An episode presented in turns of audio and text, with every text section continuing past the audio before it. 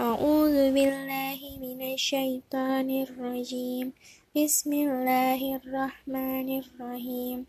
إن الذين كفروا من أهل الكتاب والمشركين في نار جهنم خالدين فيها.